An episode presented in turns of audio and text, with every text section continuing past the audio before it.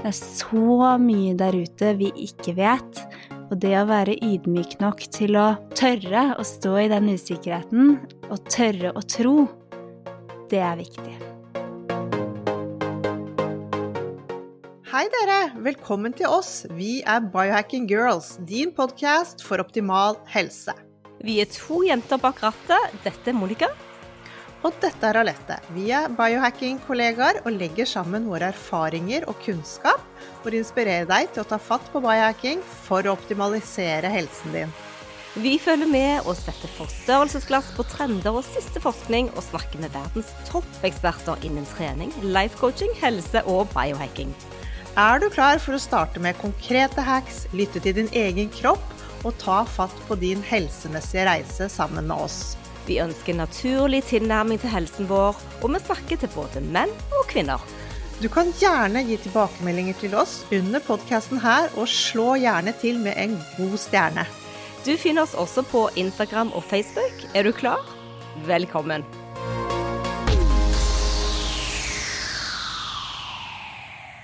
Vi snakker ofte om yoga, meditasjon og pust i podkasten vår, og det er fordi en stor og viktig del av våre hverdager består av dette.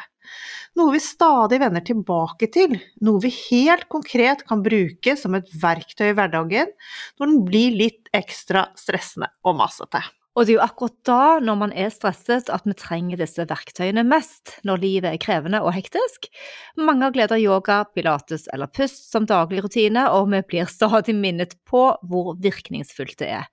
En liten, kort pusteøvelse kan nullstille oss ganske raskt og skape balanse og kanskje mer oversikt i strevet. Og det er ikke alltid snakk om at man må holde på med dette her i flere timer med lange praksiser, selv om jeg må innrømme at jeg også har gjort det i perioder. Det kan være nok å sette av 10-15 minutter om dagen.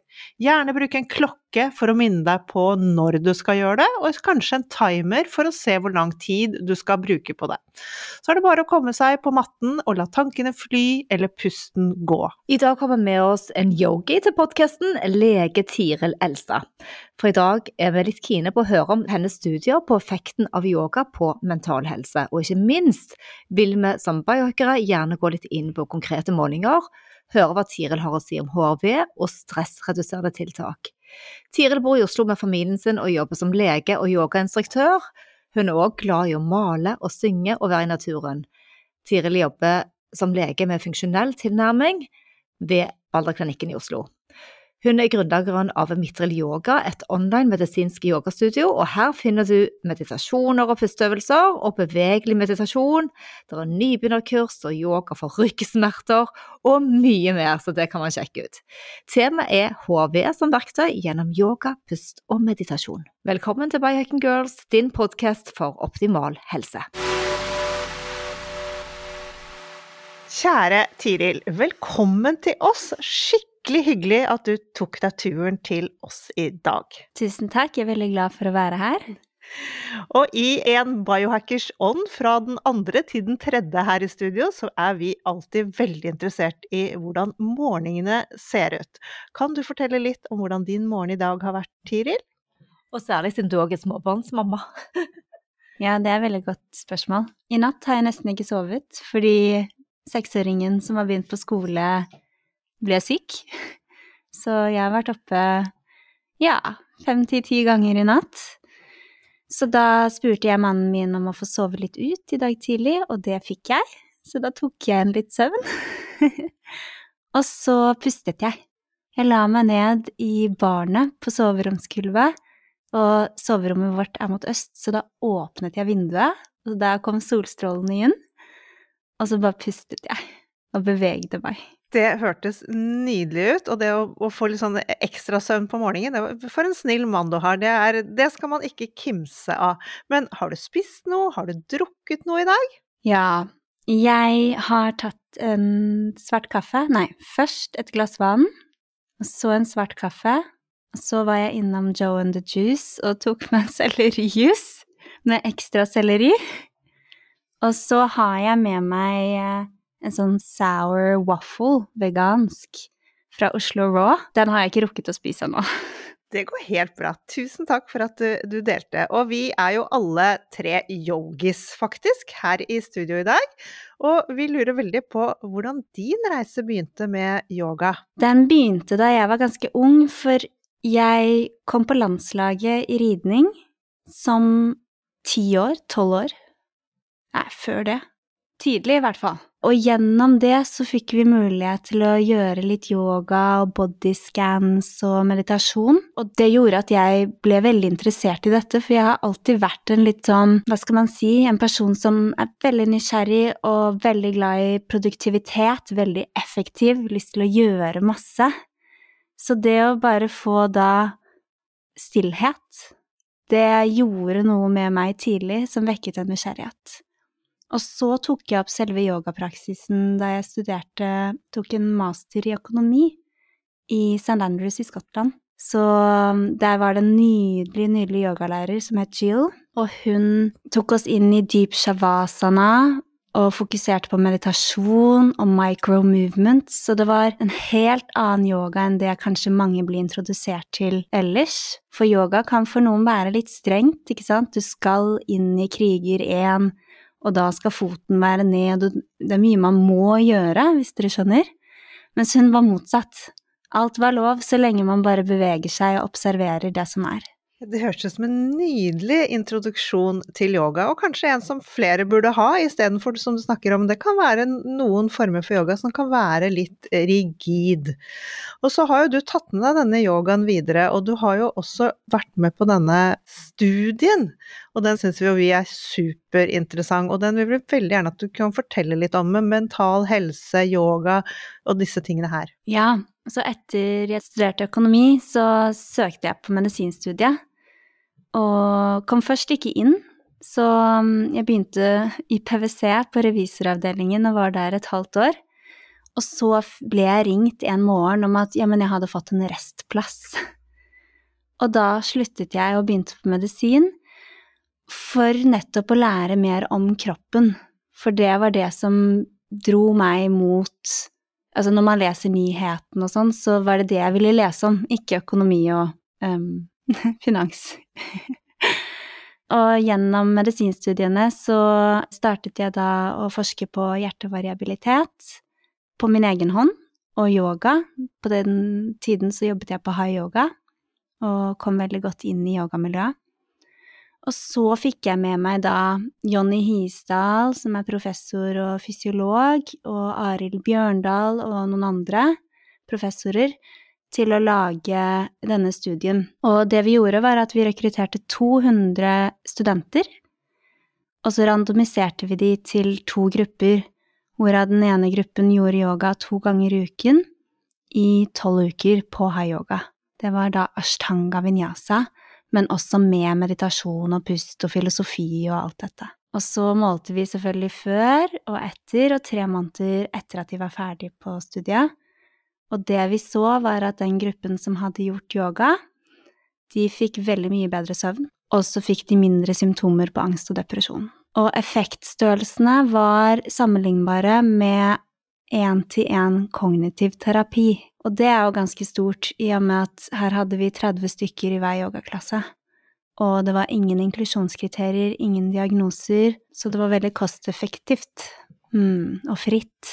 Kunne du ikke eksemplifisere litt med de målingene du gjorde? Hva skjedde konkret med søvnen? Var det dyp, eller var det rem, og hva, hva skjedde med HRV-målingene? Ja, så for søvn så brukte vi et spørreskjema som heter Bergen Insomnia Scale, som er et skjema utviklet eh, fra Bergen. Og der måler de flere parametere, blant annet innsovningstid, varighet på søvn, antall oppvåkninger og en subjektiv score på hvordan de opplevde søvnen og hvor mye energi de har på morgenen. Så det var ikke målt objektivt da. Det her var egentlig før Aura-ringen og alt ble populært. For symptomer på angst og depresjon så brukte vi noe som heter HSCL25, en questionnaire, det òg, spørreskjema, som de også bruker på um, studentenes uh, helse- og trivselsundersøkelse. Og dem hadde ganske urovekkende resultater på baseline. viste at studentene har det jo egentlig ikke så veldig bra, og har mye symptomer på angst og depresjon, så det var ganske urovekkende. Mm. Dette er jo veldig interessant, og særlig med din kobling eh, med yoga og søvn. Og du er lege på Balderklinikken, som da har en funksjonell tilnærming til sine pasienter. Hvordan bruker du både studien og erfaringene dine med yoga når du møter pasienter? For å være helt ærlig så nevner jeg ikke studien så mye. Eh, litt fordi at dette her er en enkelt RCT, det vil si, ja, ok, vi har funnet effekt av yoga på noe, men det er blant noen få studenter i Oslo. Så jeg tenker at erfaring er vel så viktig. Egen erfaring, men også gjennom 15 år som yogapraktiserende og over 10 år som yogalærer, så har jeg jo fulgt veldig mange gjennom denne reisen. Og så finnes det jo noen veldig gode studier som eh, favner over større populasjoner. Det kaller vi metaanalyser. Og det liker jeg bedre å bruke. Selv om en god RCT er jo mye verdt, det òg. Mm. Men ja, tilbake til spørsmålet. Jeg bruker egentlig ikke Jeg nevner den ikke så mye. Kanskje jeg burde gjøre det. Men du nevner iallfall yoga til dine pasienter? Ja, ja, ja. Det gjør jeg. Men eh, når pasientene kommer til oss, så har de jo gjerne vært hos fastlegen og hos ganske mange andre spesialister og prøvd mye over lang tid, og kanskje ikke funnet helt ut av hvorfor de fortsatt er plaget av de symptomene de har, da, enten om det er hjernetåke, vondt i magen, hodepine, dårlig søvn, øh, uro, indre uro. Ja, så det vi gjør da, er at vi først går ganske bredt ut medisinsk med masse blodprøver og sjekker ok, kan det være noe jernmangel, vitamin D-mangel, ubalanse i mikronæringsstoffer, ikke sant, magnesium, um, ja, så først tar jeg stilling til det medisinske, og så etter at vi har optimalisert det, og kost og rutine og søvn og alt dette her, relasjoner, purpose, så er det ofte man går innom mentale tankemønster, eller bruker yoga da til å redusere smerter, mm, fysiske smerter. Eh, men hvis pasienten kommer til meg fordi de har sett at jeg er yogalege og har lyst til å vinkle konsultasjonen inn på det fra starten av, så gjør jeg jo selvfølgelig det. Mm.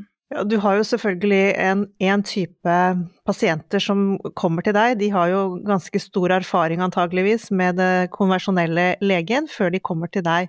Men hvordan opplever du at de takler dette med å jobbe med det spirituelle? Ja, nå er vi over på den tredje pilaren, ikke sant. Vi har det fysiske, og så har vi det mentale, tankemønsteret, og så har man det spirituelle. Og i IFM, som er det funksjonellmedisinske kurset jeg har gått fra USA, så har de dratt med det spirituelle inn i den matrisen på hva som gjør at man kan ha god helse. Og det er jo litt sånn skummelt for en lege å by seg inn på, fordi det handler jo om tro.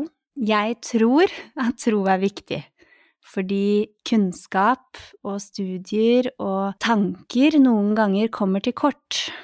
Man kan ikke alltid tenke seg fram til fasiten, og jeg synes at det er naivt å tro at tanker kan forklare alt. Det er så mye der ute vi ikke vet, og det å være ydmyk nok til å tørre å stå i den usikkerheten, og tørre å tro, det er viktig. Det, er, det er, superviktig og eh, veldig, veldig tøft uh, å, å, dra inn alle disse tingene, men det er jo en helhetlig ting som skal til for å heles. Man kan ikke bare se på én og én ting isolert, man må rett og slett uh, gå litt dypere, og det er jo det dere jobber med mye på Balderklinikken. Ja, kan ikke du komme inn på dette med root causes til symptomene som du snakker mye om da, Tiril? Ja, så mm, jeg kan få en pasient som kommer og sier at energien har forsvunnet. Jeg er trett, våkner ikke uthvilt. Kroppen svarer ikke på trening lenger, orker ingenting, har ikke noe motivasjon, er litt svimmel, huden er dårlig, magen er dårlig Ja, litt sånn diffuse symptomer. Og så har de gjerne vært hos mange leger før som har utelukket at ikke det er noe farlig. Det er ikke kreft, det er ikke noe Vi finner ingenting på de vanlige prøvene. Og det er typisk de pasientene som kommer til oss. Og det første pasienten pleier å si, er kan du ikke hjelpe meg med å finne hvorfor jeg har dette? Er det noe vi kan gjøre for å fjerne underliggende årsaker til min indre uro eller til min nedsatte energi eller til min hjernetåke? Og så har vi et system som vi bruker, så vi ser på alt fra rutine, jeg bruker timeplan en del, ser ok, hvordan ser din dag, dag ut? Når står du opp, hva gjør du, hva spiser du, hvordan er jobbdagen, hva gjør du når du kommer hjem, og hvor godt sover man, har du gode venner, får du tid alene, ja, føler du noe mening, alt dette her men også dette medisinske, ikke sant. Så tar du vitamin D i vintermånedene, tar du jod Det er så rart at ikke flere tar, er dere ikke enig? Jo, 100 Vi begynte å ta det veldig mer hyppig når eh, det ble lockdown og covid-19. Ja, ikke sant. Og de færreste av oss får jo i seg nok fisk og tang og uh, jod i salt til at det dekker det dagsbehovet vi trenger. I hvert fall for fertile kvinner, som kanskje trenger mer, da. Mm. Du, eh, det er jo veldig hyggelig for oss og lytterne å høre. Det er jo nesten som å få en liten privat konsultasjon med deg her og nå. Uh, måten du reiser gjennom alle de mm. spørsmålene. Og det er veldig fint å få oss til å tenke selv. Mm. Det er noe som heter walking meditation. Det har både meg og Alette vært på, og syns det er utrolig terapeutisk å være i naturen. Kan du forklare hva du legger i walking meditations? Ja, den er veldig fin. Walking meditation, det handler om å gå. Sakte. Og legge merke til micro movements, kaller jeg det, men hva som skjer fra du løfter tærne med høyre fot, og så går den gjennom luften, og så setter du den ned, og så kjenner du underlaget gjennom neste skritt mens du legger vekten over på neste ben, og så fortsetter man med venstre. Og det er jo ikke bare fotsålen, det er hele kroppen, ikke sant? Core, cellene, berøring. Man observerer øyeblikket som det er, uten analyse, uten å dømme, men bare helt plaint tillater det som er, å være. Og for mange er det en fin introduksjon til meditasjon, fordi man blir også litt distrahert fra tankene fordi man gjør noe aktivt. Eh, noen ganger kan det være litt vanskelig, og kanskje også skremmende, å sette seg ned og gå rett inn i stillhet. At det kan bli litt overwhelming. Så det å faktisk koble pust med bevegelse og meditasjon i starten, tror jeg er fint. Men poenget med meditasjon Det finnes jo mange typer meditasjoner, og i ashtanga-yoga, som dere også kjenner til fra tidligere, så har man jo først control of the senses, og så har man focused attention, og så kommer meditasjon.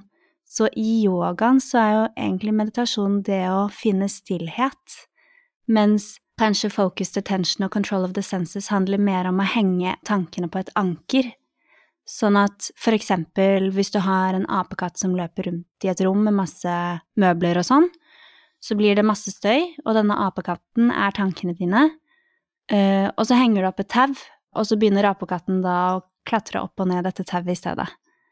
Ikke sant? Så det er jo det vi gjør da. Vi fester fokuset på én ting, enten det er da bevegelse eller pust eller mantra eller noe helt annet. Bodyscan.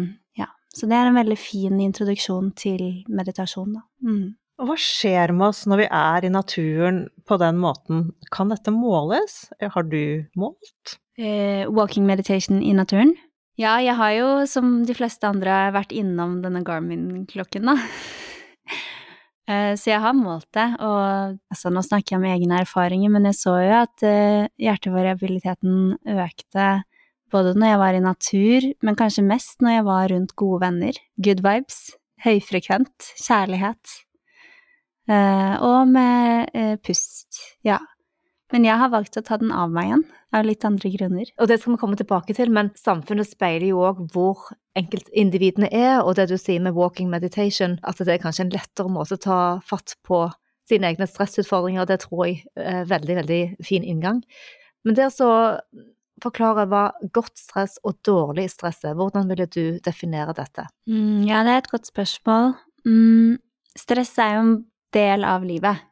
Eh, vi blir syke, det er stress på kroppen. Vi slår oss, det er stress på kroppen. Vi møter utfordringer på jobb, det er stress for kroppen og psyken.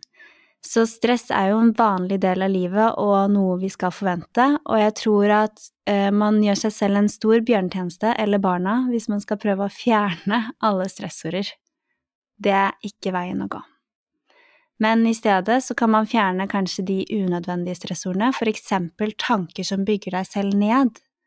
Hvorfor lærer vi at vi skal være snille mot andre og ikke mot oss selv? Ikke sant?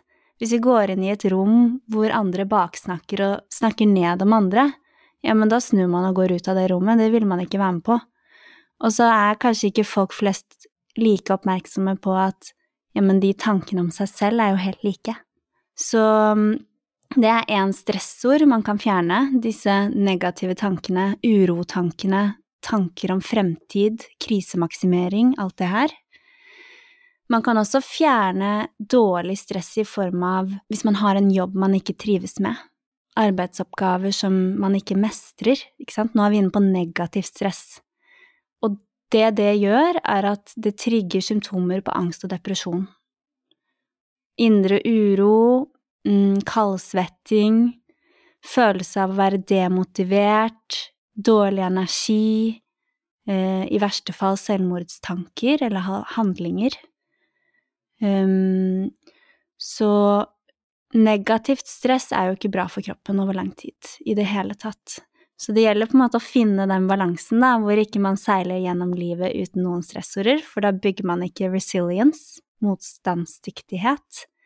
Og så gjelder det kanskje å ta aktive valg og ta ansvar for seg selv når man merker at man møter stressorder som bygger en selv ned.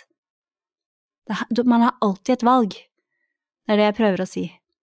På jobb så kan du si fra om at nå har jeg for mye, er det noe vi kan gjøre? Jeg mestrer ikke dette akkurat nå, kan jeg få hjelp, kan vi redusere arbeidsmengde? Er det noe jeg overser, noe kanskje man kan gjøre det på en helt annen måte? Eh, timeplanen sin, søvnen, jobben, mm, kroppen, alt. Vi har alltid et valg, relasjoner, men veldig mange på en måte er fanget i et slags mønster uten å se det klart selv. Og det er jo det egentlig meditasjon hjelper med, da. Å se seg selv. Kanskje gjenkjenne mønster. Så ja, og positivt stress er jo så fint, da. Det kan være at man sitter og leser noen studier, eller har masse pasienter en dag som er stressende, men gøy, eller har yogatimer. Ikke sant, man blir jo sliten, men det gir deg noe. Så det tror jeg bare er bra. Ja. Og du er jo selv veldig busy, Tiril. Hva gjør du? Hva tror du om alle disse målingene vi også nå har begynt med, med Garmin-klokker og Aura-ringer? Tror du det er negativt, eller tror du vi har godt av det og lærer noe av det? Ikke sant, vi har det behov for å kategorisere. God, ond. Ja, nei. Ikke sant? Og så er det sånn at det er jo ofte ikke så lett. Det er både og. Det er veldig bra, det er som en slags PT, ikke sant. Jeg sluttet nesten å drikke basert på den Garmin-klokken. Alkohol, altså. Fordi man ser jo hvor dårlig søvn man får, og eh, dårlig hjertevariabilitet. Nå går jeg ut ifra forresten at følgerne vet hva hjertevariabilitet er, men det gjør de. Er klokkene bra? Tja.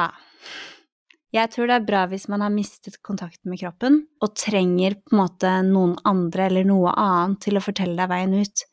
Men for min del så er målet å uh, koble på kroppen igjen, ikke sant, og kjenne igjen kroppens egne signaler. Hvis jeg får vondt i høyre hofte og sover på høyre side hver dag, ja, men kanskje det er så enkelt som at jeg burde prøve å bytte seng, ikke sant? Eller hvis jeg får vondt i hodet av visse arbeidsoppgaver eller sittestillinger, eller eh, får spenninger i nakke og i kjeve og sånn, ja, men kanskje det er noe jeg kan gjøre for å tilpasse det, bygge opp Mac-en på jobb, eller ta gode pauser, se ut. Så jeg håper jo at menneskeheten får mer kontakt med kroppen sin etter hvert, sånn at man ikke trenger disse devicene. Men så skjønner jeg også at de har kommet for å bli, og at det har nok et veldig stort potensial etter hvert, sammen med AI. Etter hvert kan de nok forklare mye om oss som ikke vi vet selv. Mm. Er det noen ganger du absolutt ikke ønsker å måle? Ja, jeg har flere pasienter som blir mer stressa av det. Da skal man ikke måle. Når det blir et fokus, blir en slags tvang, det blir en konkurranse med deg selv om å få målingene til å bli best mulig. Og så kanskje hvis ikke du klarer det, så blir det et negativt stress. Da tenker jeg at uh, man kanskje har det bedre uten. Ja, Kanskje vi bare kan ta en uh, dyp innpust og en ekstra lang utpust. Hvorfor er pust så viktig? Så hjertevariabilitet, det det er, er jo Stephen Hales var den første som omtalte hjertevariabilitet. Og det han gjorde på 1700-tallet, var å putte uh, et rør ned i de store arteriene på en hest som var bundet fast. Og så så de hvordan hjertefrekvensen varierte med pusten. Når vi puster ut, så går hjertefrekvensen ned. Hvorfor det? Fordi at når vi puster ut, så går diafragma opp. Vi dytter luften ut av lungen igjen, ikke sant? Og i et mikrosekund der så øker man trykket inni brystkassen og hjertet. Det registreres av baroreseptorer, trykkreseptorer, i hjertet og i årene overalt, og sender signaler til hjernen, som igjen aktiverer vagusnerven og sier at oi, nå må vi bremse hjertet, nå går det for fort, ikke sant, blodflowen har gått opp. Og der har man det. Da senkes hjertefrekvensen hver gang vi puster ut. Så hvis man tar seg et dypt innpust og et enda større utpust, hva skjer da? Jo, man aktiverer vagusnerven, altså parasympatikussystemet.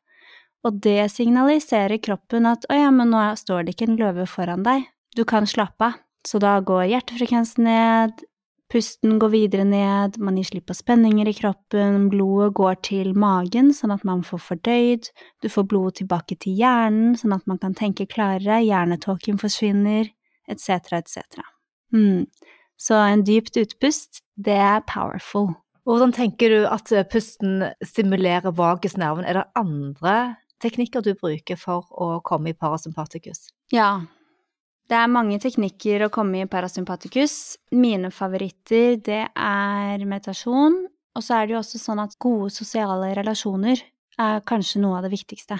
Hvis vi tenker altså loving kindness meditation, det å ha kjærlighet for seg selv og andre rundt seg, og ha compassion, altså ikke bare medfølelse, men handle etter medfølelsen, gi en klem, si noen støttende ord, også til seg selv.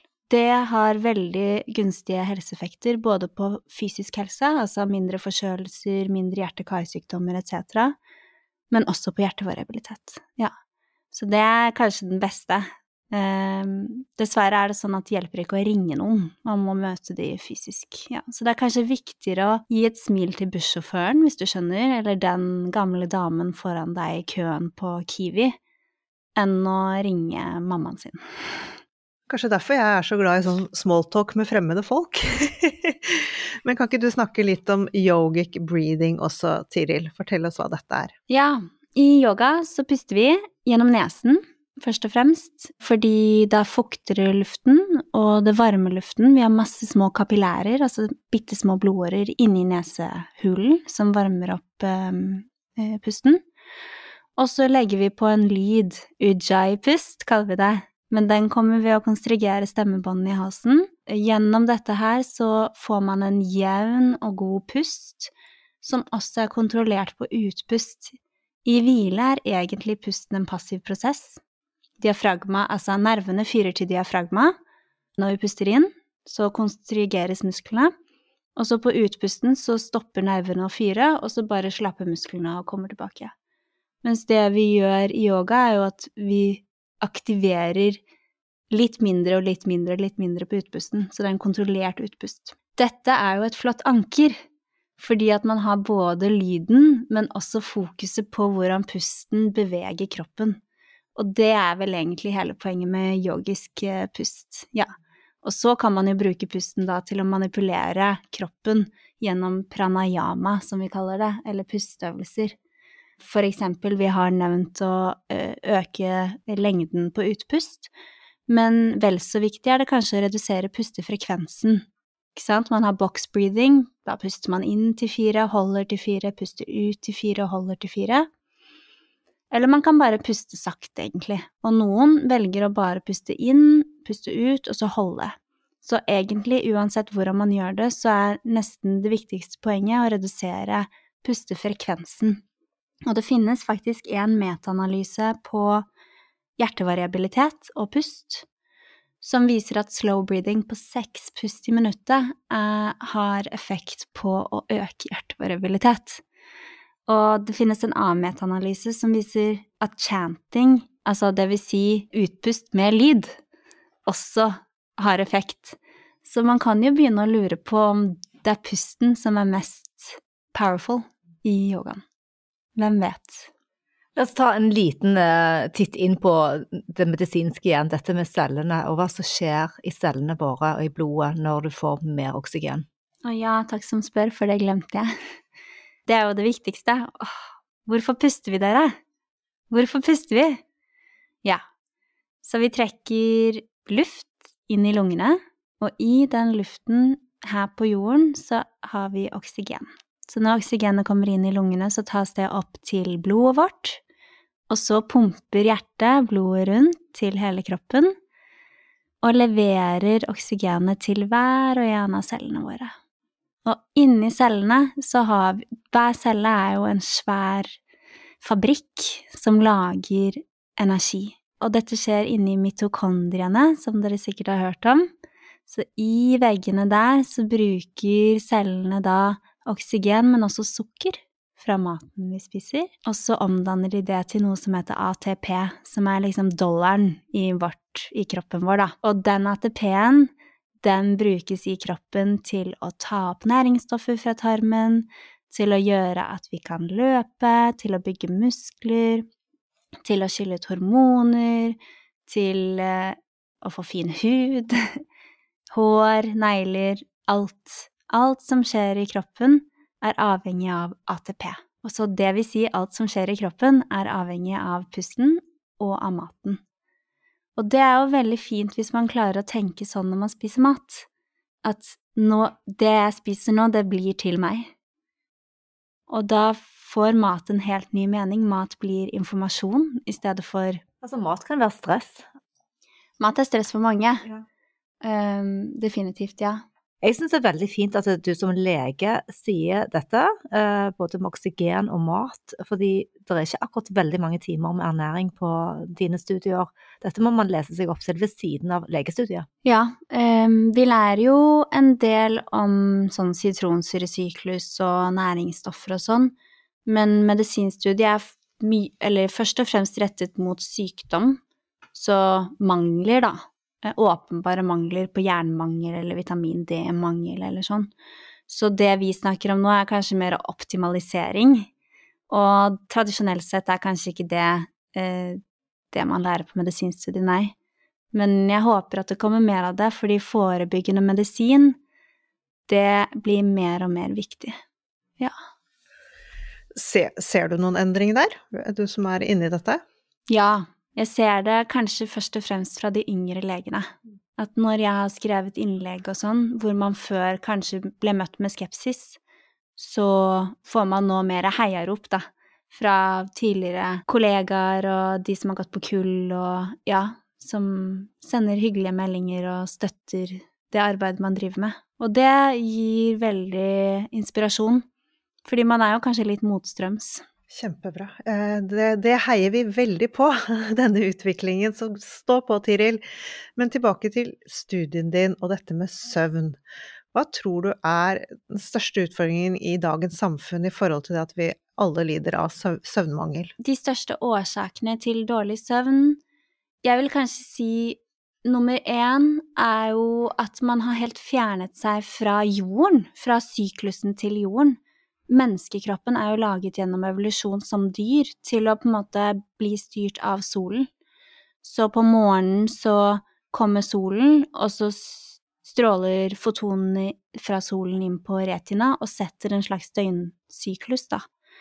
Men hvis man står opp, setter seg i bilen, går rett foran PC-en, så på en måte er man jo helt fjernet fra naturen og fra solen, stjernen vår. Så jeg vil kanskje si at det er en god nummer én. Og skjermen er kanskje den største trusselen der, da. Og så vil jeg si at en god nummer to, eller delt førsteplass, er uro, tanker, bekymringer, stress.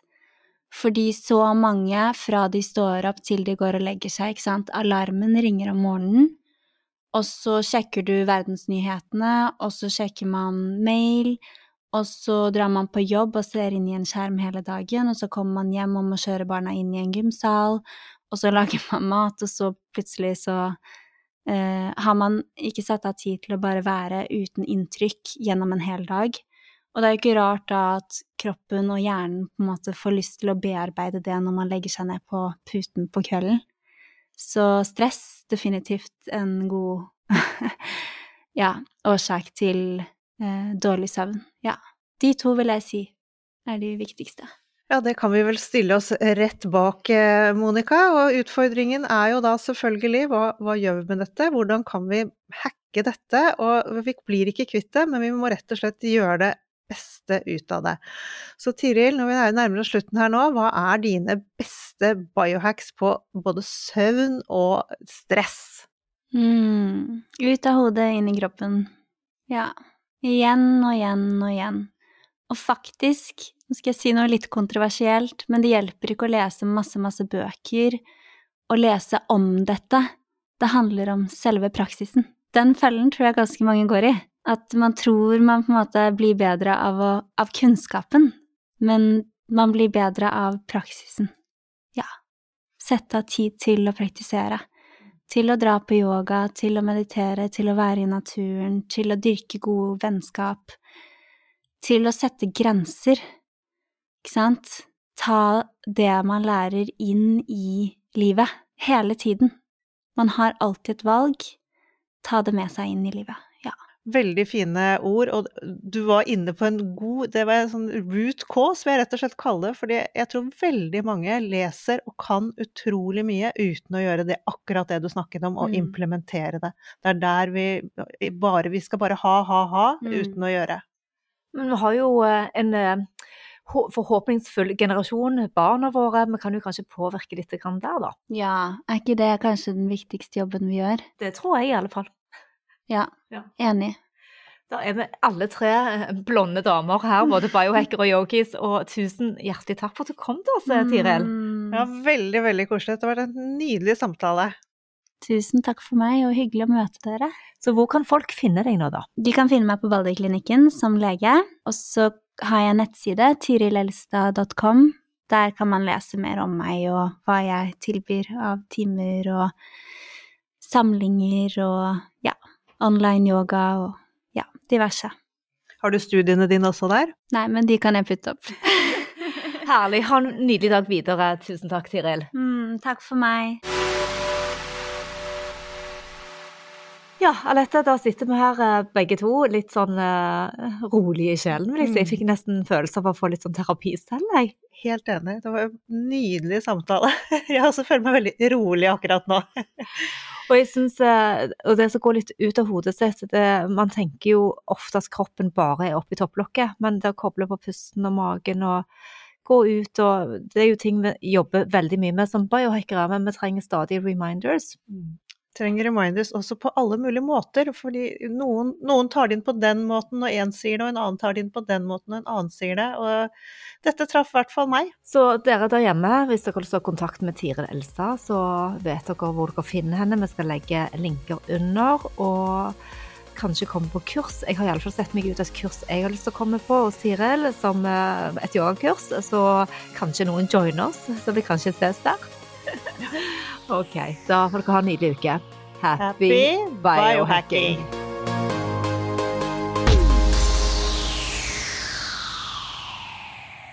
Vi minner om at dere må snakke med egen lege eller kostholdsveileder om dietter og andre spørsmål relatert til medisiner og supplementer. Informasjon vi deler, kan ikke bli brukt til å diagnostisere, behandle, forebygge eller kurere noen sykdommer eller tilstander.